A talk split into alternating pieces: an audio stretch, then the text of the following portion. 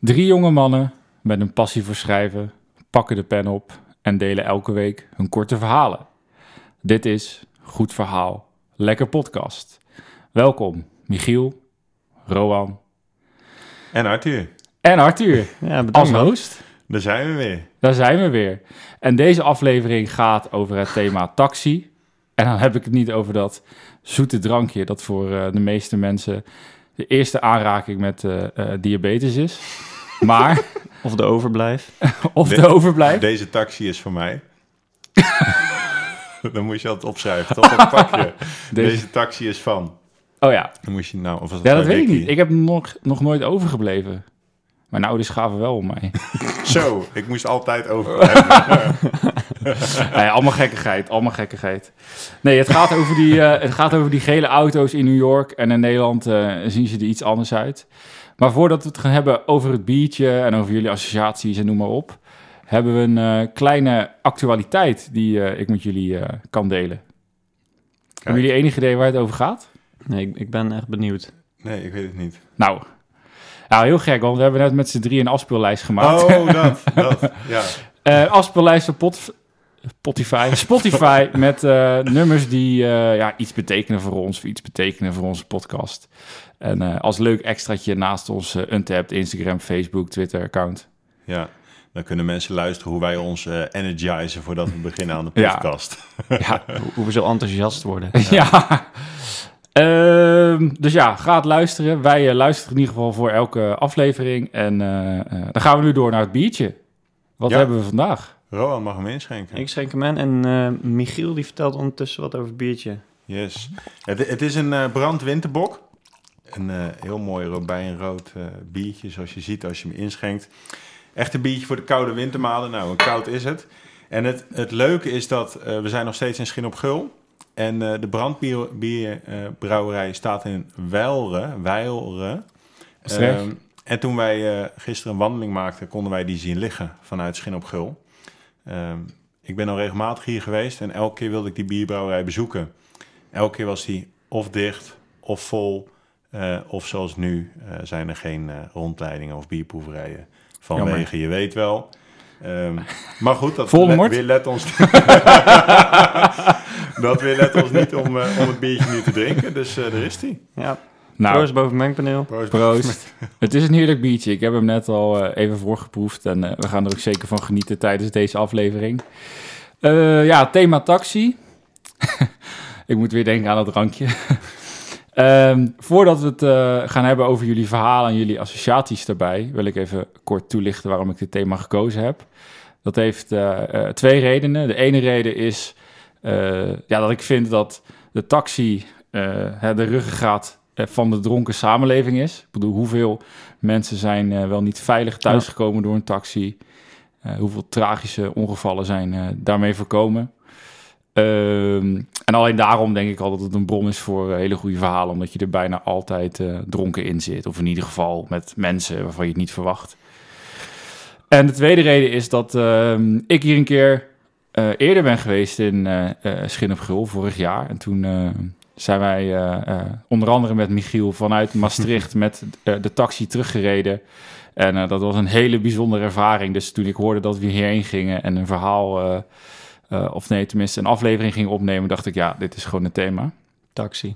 Taxi. Het was hetzelfde weekend, denk ik. Precies een jaar geleden dat hier Ja? waren. Denk het wel. Was precies ook eh, in het nieuwe jaar. Ehm, en ja, wat ik net zeg, in een taxi maak je vaak mooie herinneringen. Dus voordat we verder gaan, ben ik benieuwd naar jullie allermooiste, bizarste, fijnste herinnering eh, in een taxi. Zo.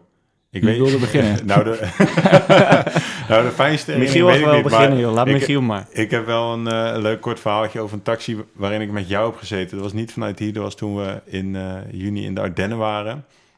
En toen op een gegeven moment toen zaten we op het terras, hadden we gedronken. Dus toen moesten we met de taxi terug. Alleen, we konden geen taxi krijgen. We moesten heel veel... De barman die had ons zeven nummers gegeven van taxis en centrales.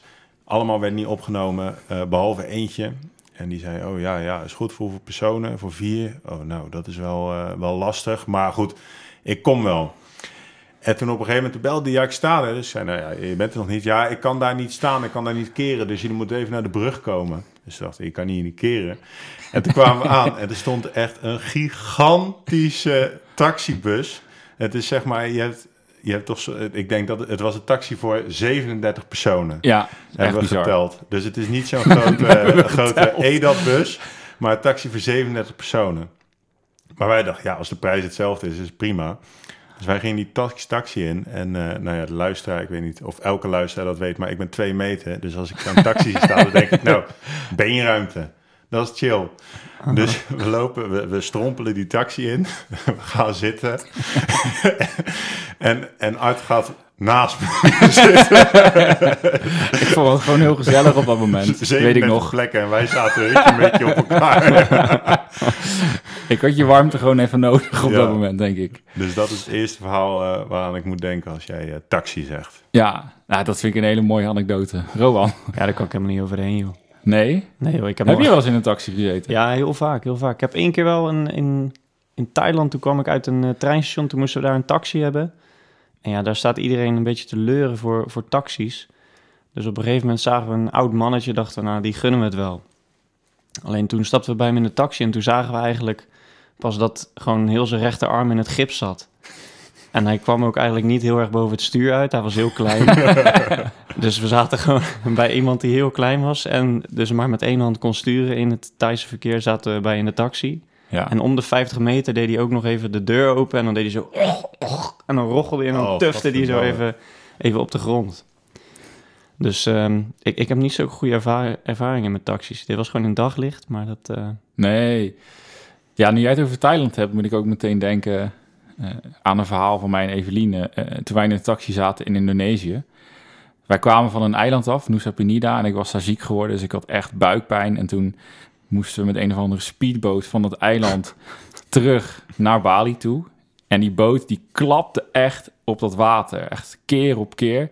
En ik was dus al misselijk en ik dacht echt, nou, dit gaat echt helemaal mis. Dus ik had alles voorbereid, eh, zakjes, tasjes. Goed, uiteindelijk niet overgegeven. Maar wij kwamen daar op het land en ik had eh, contact gehad eh, met een Balinese man die ons daar ook naartoe had gebracht. En ik zei, joh, hè, ehm, ik gunde het hem ook. En ik dacht, wil jij ons naar de volgende plek brengen? Eh, dus wij komen daar aan en ik app hem van, eh, ja, waar sta je? Ja, mijn band is lek, dit en dat, zus en zo. Maar ja, ik had buikpijn en ik eh, ben daarna trouwens nog tien dagen ziek geweest, dus het was geen aanstellerij. een man die ziek is. Ja, dat kan niet, hè? Die nee, stellen zich altijd aan. ja, dat is wel waar. Nee, en toen eh, weet ik nog dat Evelien wilde heel graag een andere taxichauffeur nemen... die daar gewoon klaar stond en die ons voor een veel goedkopere prijs... eh, naar de plek van bestemming kon brengen. Maar goed, ik bleef ondanks mijn buikpijn vasthouden aan mijn, eh, aan mijn waarden. En we hebben daar in de bloedhete zon en ik met buikpijn eh, staan wachten... tot hij eindelijk eh aan kon rijden. Jij was loyaal aan de taxichauffeur Ja. op Bali die je daarna nooit meer zou zien. Nobel. Nobel voor jou. Ja, achteraf... Ja, achteraf gezien zou ik het ook niet meer doen, maar goed. Je was er tien tijd waar dagen je ziek niet, van. eh, Leuk, mijn eerste wereldreis. Eh, nou, dat zijn al hele leuke verhalen op zich, maar dat zijn niet eh, de geschreven verhalen. Ehm, ja, dan gaan we naar de echte verhalen. En dan wil ik graag Michiel het woord geven. Zo. Weer, weer onder de indruk. En- en- en- ja, ik word er door jullie op gewezen dat ik heel vaak zo zeg. Misschien moeten we daar een bingo van maken. Een eh, goed verhaal, lekker podcast bingo. Maar ehm, nou, voordat, voordat ik mijn verhaal ga vertellen, vind ik het wel altijd belangrijk ehm, om een gesprek aan te gaan met de taxichauffeur. Ook niet achterin gaan zitten, eh, maar even met die man praten en ook Of vrouw. of vrouw. Taxichauffeur zijn 2022, kan allemaal. 2021 zit in de toekomst. Ehm, maar ik vind het altijd wel belangrijk dat, ook, dat een taxichauffeur ook over zichzelf kan praten. Dat hij niet alleen maar vragen hoeft te stellen. Maar goed, dat terzijde. Ehm ik ga gewoon mijn verhaal eh, voorlezen. Mijn verhaal Helemaal gaat goed. het thema taxi, maar het heeft de titel De Hand. Laat mij je vertellen over het vernuftige leven van een taxichauffeur.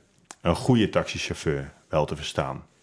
Een goede taxichauffeur komt altijd net iets te laat en probeert je net iets te veel te laten betalen. Of veel te veel, ligt eraan hoe dronken je bent. Als je met dubbele tong door het passagiersraam lalt dat je net je laatste trein hebt gemist, hoef je geen medelijden te verwachten. Het is keiharde business waarmee geld verdiend moet worden voor het gezin dat elke avond, elk weekend een lege plek aan tafel heeft. Gelukkig hebben taxichauffeurs een erecode, de hand. Als je naar het buitenland gaat, waar taxioplichting veel vaker voorkomt, word je altijd op het hart gedrukt taxichauffeurs niet te vertrouwen. Toeristen zonder richtingsgevoel die gehaast de bloedhitte verruilen voor de gekoelde leren bekleding en vervolgens niet doorhebben dat ze al drie keer langs hetzelfde park gereden zijn. En dan vervolgens zuchtend betalen omdat ze geen stennis durven schoppen in een vreemd land. Hadden mensen dat ook maar in de rij van de plaatselijke supermarkt. Dus wat leer je? Van tevoren een prijs afspreken en dan de hand schudden. Niet te heftig schudden, één knikje is zat. Kordaat, ferm en met oogcontact. Dat maakt een zegel dat nooit gebroken wordt. Het betekent iets, al sinds de middeleeuwen. Op alle belangrijke momenten in je leven schud je de hand. Huis kopen, hand schudden. Arbeidscontract tekenen, hand schudden. Ik snap daarom ook niet dat een huwelijk wordt bezegeld met een kus. Vind je het gek dat één op de drie tot de dood ontscheidgeloftes wordt verbroken? een kus is bij lange na geen hand. Je kan niet liegen en dan de hand schudden. Had Jezus dat maar geweten, voordat Je- Judas even een blokje omging. niet vertellen waar we zitten, hè, oude apostel van me. Dan had Astrid Holleden maar mooi een andere titel voor haar boek moeten verzinnen. Anton van der Waal, Benedict Arnold of misschien Kenneth Vermeer. een handdrukken is een teken van gelijkwaardigheid. Het beroep is, naar mijn mening, ondergewaardeerd en verdient meer, veel meer respect, de taxichauffeur. Ik zou in ieder geval niet met ze willen ruilen. Dus als je het handenschudden nalaat en vervolgens schrikt van de meter, zou je echt de hand in eigen boezem moeten steken. Ja, dit- ik vond dit gewoon eh, Nico Dijkshoorn eh, niveau, Michiel. En dat is een compliment. Ja, dat vind Ja. ik zeker een compliment. Ja, het was gewoon... Je hebt één zo'n onderwerp gepakt... en dat gelinkt aan taxichauffeur... met die hand, eh, handschudden erbij. Mooie beeldende voorbeelden.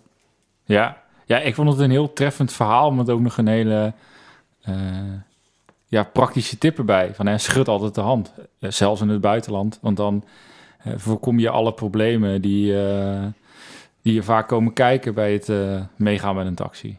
Heel leuk.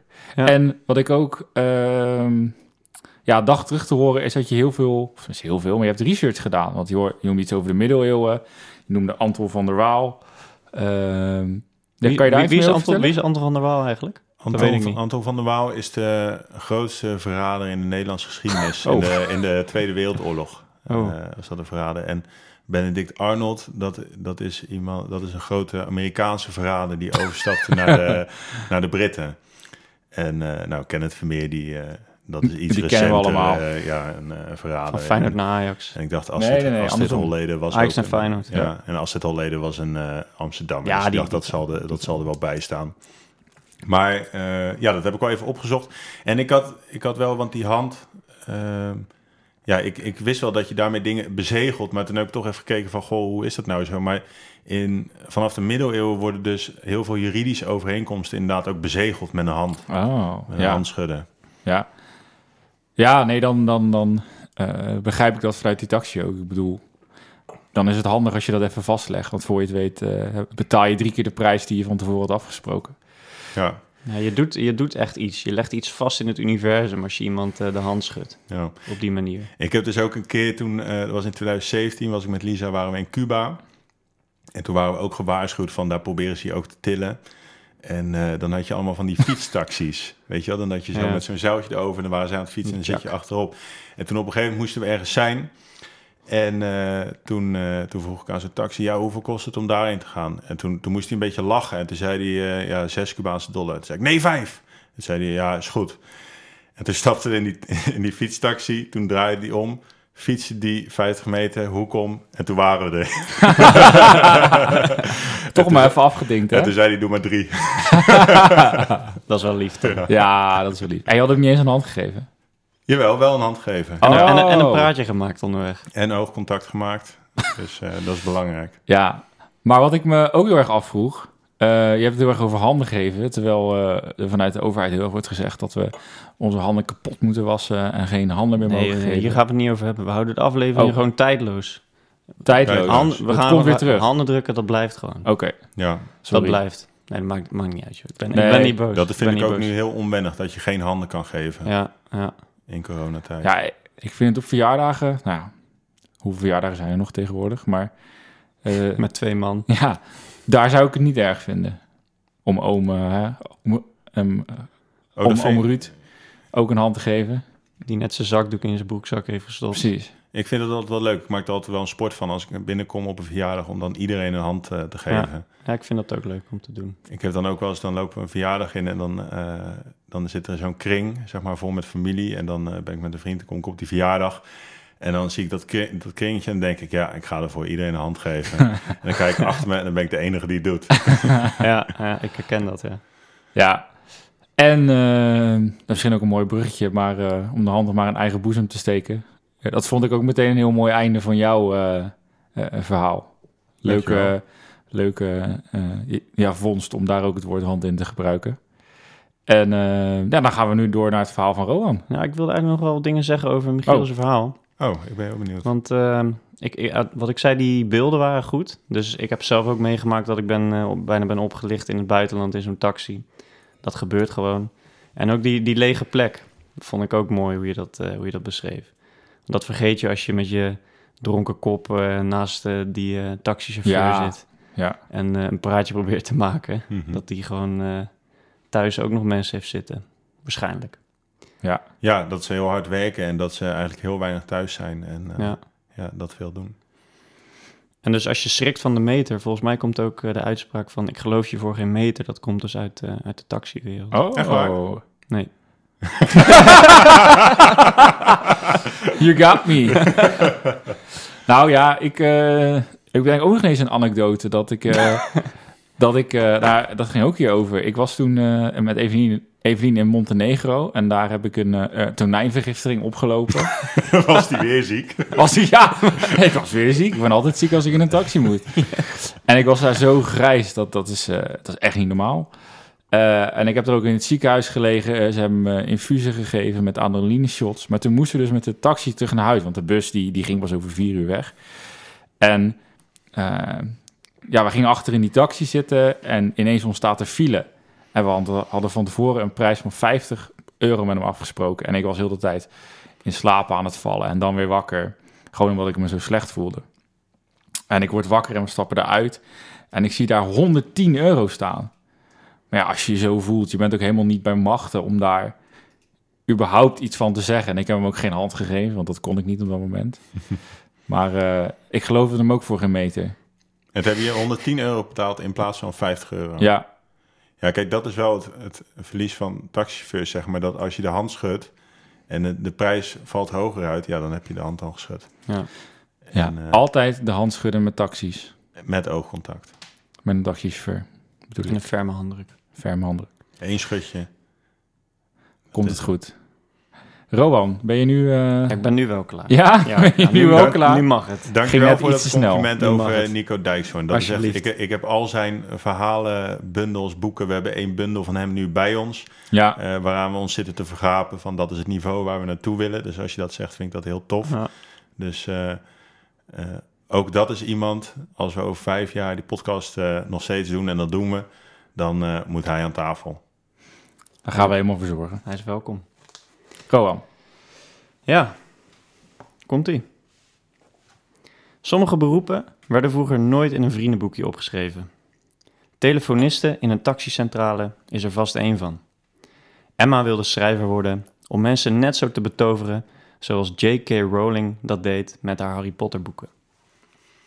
Ze droomde weg bij de verhalen over Harry en ze vond dat ze op hem leek. Dapper op school, gedisciplineerd, slim en ook nog eens een flink rechtvaardigheidsgevoel. Ondanks eerder genoemde capaciteiten werkt Emma al sinds haar negentiende in de taxicentrale van Amsterdam. De scheiding van haar ouders zorgde ervoor dat haar discipline en rechtvaardigheidsgevoel zich ook van Emma scheiden. Zelf zit ze er niet meer mee. En als ze nu een vriendenboekje onder ogen zou krijgen, zou ze nog steeds schrijver opschrijven. De telefoon rinkelt namelijk niet de hele tijd op de centrale en dat geeft haar de tijd om te schrijven. De chauffeurs die af en toe komen buurten op de centrale zorgen met hun gore, gezellige of romantische verhalen voor gratis inspiratie.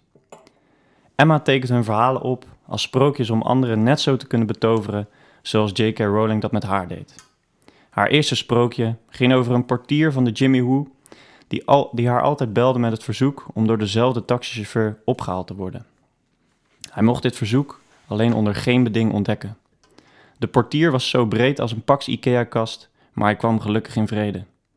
Altijd wanneer de taxi voor kwam rijden, hield de chauffeur volgens goed, goed gebruik het portier open voor de portier. Tijdens hun nachtelijke ritten werden de twee mannen verliefd op elkaar en ze reden nog lang en gelukkig door Amsterdam. Emma kan dat natuurlijk veel beter opschrijven dan hoe ik dat nu heb gedaan. En gelukkig maar. Ze rijdt in gedachten met de chauffeurs mee.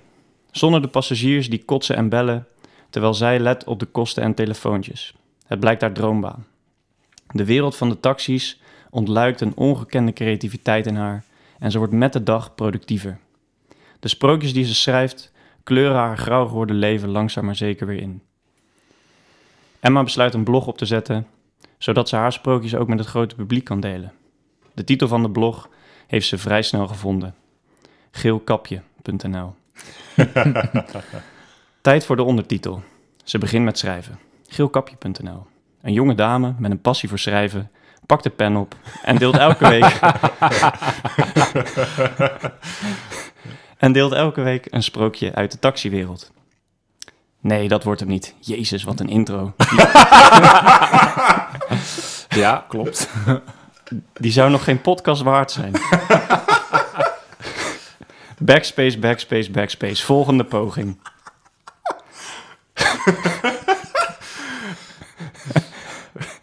Geelkapje.nl. Een dame uit de taxicentrale schrijft verhalen. Hm, nee, nog steeds niet tevreden. Geelkapje.nl. Sprookjes uit de taxiwereld. Ja, dat is hem. Vlak voordat ze haar eerste sprookjes online gooit, schiet er een flits van twijfel door haar hoofd. Wat als ik helemaal niet kan schrijven? Wat als de taxi taxicentrale mijn muze is? En zodra ik kies voor een fulltime carrière als schrijver, mijn inspiratiebron opdroogt als de vrijdagavond kots op de achterbank van Erik, mijn favoriete chauffeur. Niet heel veel later rijdt er een taxi langs de rode loper van de stad Schouwburg in Amsterdam. Emma ziet influencers, acteurs, schrijvers, YouTubers en de mannen van Goed Verhaal Lekker podcast. Vlak voordat ze uitstapt, knijpt Erik zachtjes in haar hand en fluistert: Ik ben trots op je. Ja.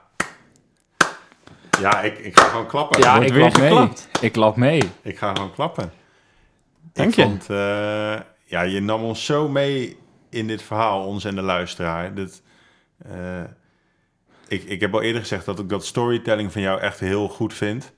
En eh, hoe je ons meeneemt in Emma na een scheiding. En dat ze haar...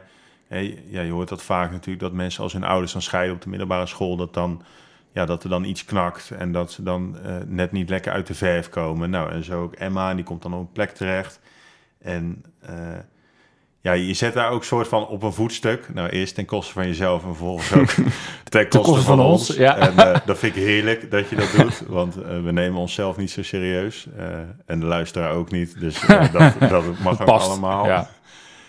Maar ik, ja, ik werd helemaal meegenomen erin. Ja, Mooi man. ja, Dank je. ja, ik vond het echt een modern sprookje. Een soort van eh, een mix van Assepoester eh meets Emma eh, Watson. Dat is die van mij van Harry Potter, toch?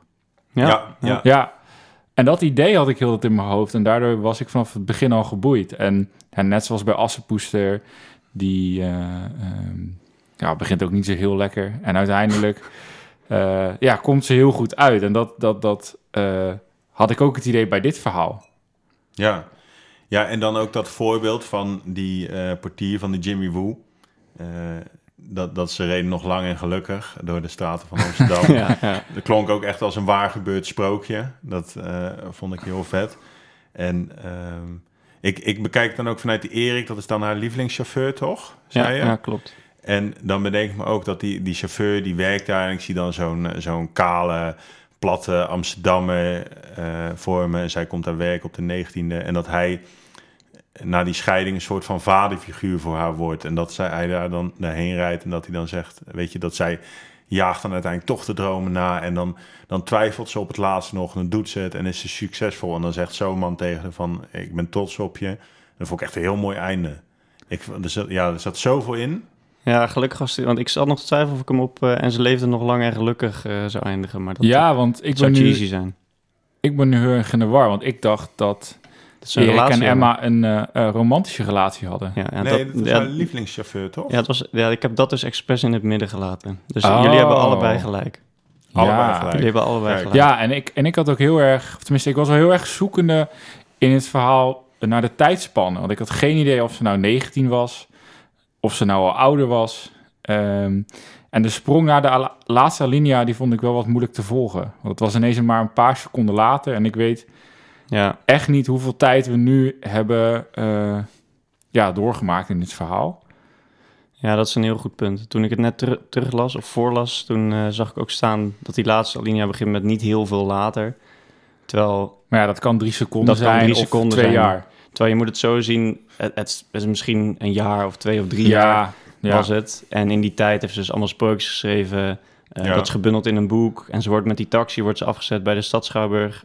Want daar wordt Ja. het boekenbal. ja. het wordt boekenbal boek gepresteerd. Ze wordt een soort van online eh, trend. Ze gaat viraal. Ja. Ehm, heel En, en, mooi. en daar trek ik ons ook weer uit het slijk, hè, omdat wij daar ook op het boek, Ja, op. Ja, en we hebben ook wel meer dan drie gewoon. seconden nodig dan, eh, om op Ja. die rode loper terecht te komen. Ja, ja, dat duurt nog wel even. Nou, ik, want die, Ja. die twijfel, die vond ik ook weer herkenbaar van dat ze, wat, ik weet niet meer precies wat je zei, maar volgens mij zei je ook iets van wat als mijn, mijn creativiteit weggaat of als de woorden op zijn. Tenminste, ik denk dat zelf wel is van wat als we nu die verhalen schrijven en wat als opeens de woorden op zijn. Wat als opeens, als het elke keer gelukstreffers zijn geweest en er komt niks meer uit. En dan vind ik mooi dat ze dat dan heeft en dan toch doorzet. En eh, Dat is een voorbeeld voor ons, Michiel. Emma is een voorbeeld voor ons, zeker. Inspiratiebron. En wat ik, wat ik ook mooi vond, want ik heb wel eens een boek van eh, Herman Koch, heb ik veel boeken van gelezen. En Herman Koch heeft dan eh, op een gegeven moment een passage over een taxichauffeur of iemand die een taxi rijdt. En eh, dat zijn de mensen die zeggen van ja, wat ik meemaak in mijn taxi, daar zou ik boeken over kunnen schrijven. En dan maakt Herman Koch die vent helemaal kapot van ja, als je, als je dat zegt, je zou het ook gewoon kunnen doen, weet je wel. Van mensen die dat zeggen, die, die, doen, het, die doen het niet. Nee. En dan vind ik het mooi dat zij dus juist die, die weet je, want dat is ook iemand in zo'n positie, zo'n taxicentrale. Herman Koch in your face. Ja, maar dat, Ja. dat zij ook zou kunnen zeggen van, nou, weet je, ze zou ook 65 kunnen zijn en daar doorgezakt kunnen zitten en zeggen van, nou, wat ik hier afgelopen 50 jaar heb meegemaakt, daar zou ik boeken over kunnen schrijven.